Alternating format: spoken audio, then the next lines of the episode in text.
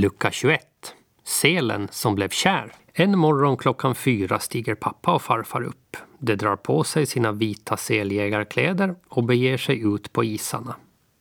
I fyra eller fem timmar får de sparka och knuffa sina sledar i gryningen norrut mot Bottenhavet. Den som väger minst går först. Han frestar isen, brukar man säga.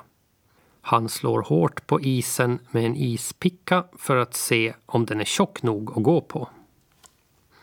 Äntligen, efter flera timmar ser det en skock selar en bit bort och lägger sig ner på isen. Man kan inte stå upprätt, då blir selarna rädda.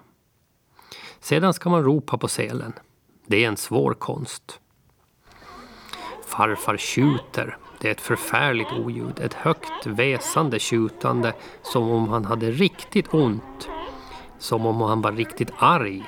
Som om han höll på att döden dö.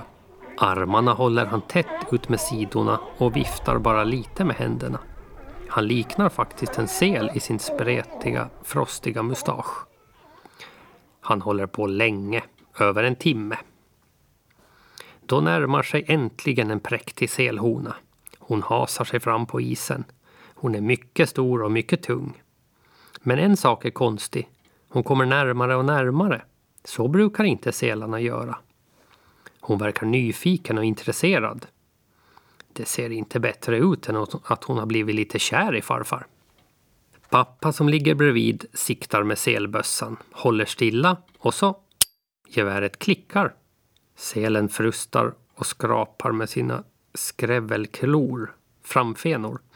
Hon tar sig närmare och närmare. Hon vill verkligen träffa farfar, det syns. Hon vill komma nära och kramas.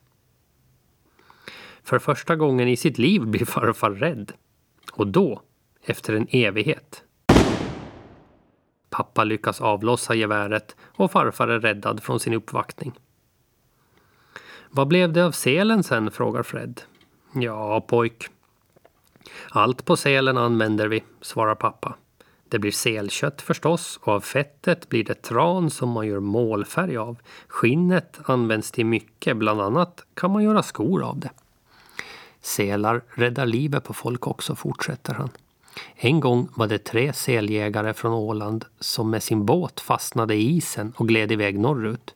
Det kom ända upp till Piteå och där hemma trodde alla att de hade drunknat.